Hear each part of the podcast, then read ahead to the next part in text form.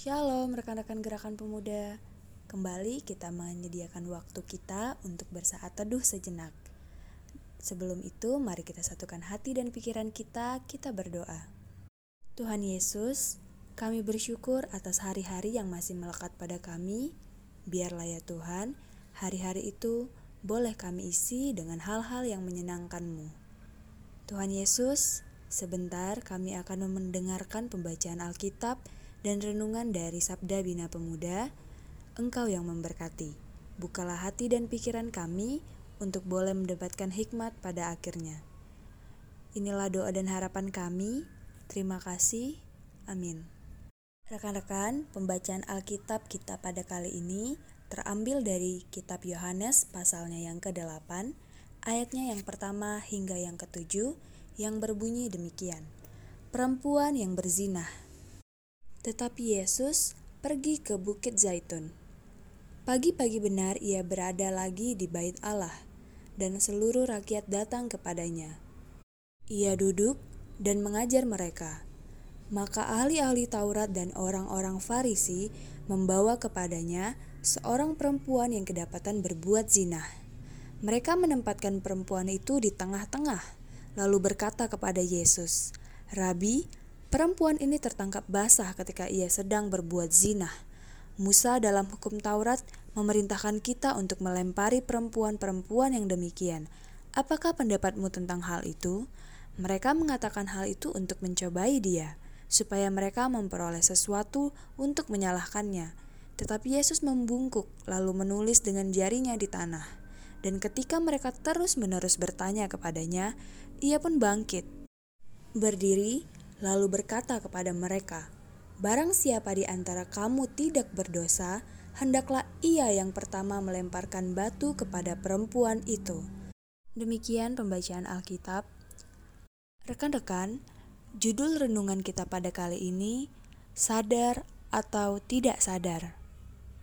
Setelah kemarin Yohanes pasal yang ke-7 ayat yang ke-25 hingga yang ke-36, hari ini Yohanes pasal yang ke-8 ayatnya yang pertama hingga yang ke-7 yang sebuah kesaksian Yohanes yang sudah kerap kali dipakai dalam keadaan orang saling menyalahkan bahkan menghukum orang. Dalam kisah ini, Yesus menyadarkan para ahli Taurat dan orang Farisi bahwa sebenarnya mereka tidak punya kewenangan untuk mengadili si perempuan berzina. Dan sekalipun mereka punya kewenangan menurut hukum Taurat, sepatutnya hukum tersebut tidak disalahgunakan untuk kepentingan tertentu selain kepastian keadilan hukum.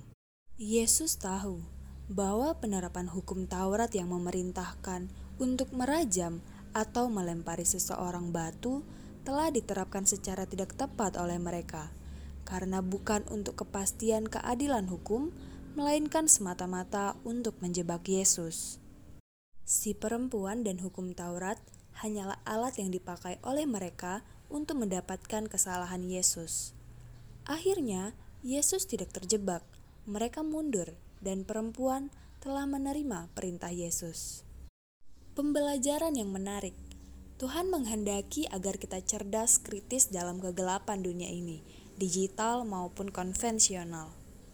Tidak terburu-buru bertindak tanpa pertimbangan dan juga tidak lambat berpikir bertindak, apalagi dalam keadaan di mana suatu hukum akan dipakai atau diterapkan yang mengakibatkan orang yang dituju akan terkena sanksi. Pemikiran kritis. Pertama, apakah orang-orang tersebut berwenang memakai atau menerapkan suatu hukum untuk menghakimi?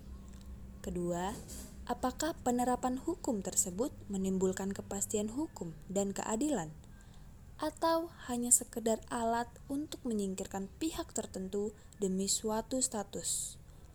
Terinspirasi dari Yohanes pasalnya yang ke-8 ayat yang pertama hingga yang ke-7, maka kita harus cerdas, kritis, tepat membaca keadaan, situasi, dan kondisi.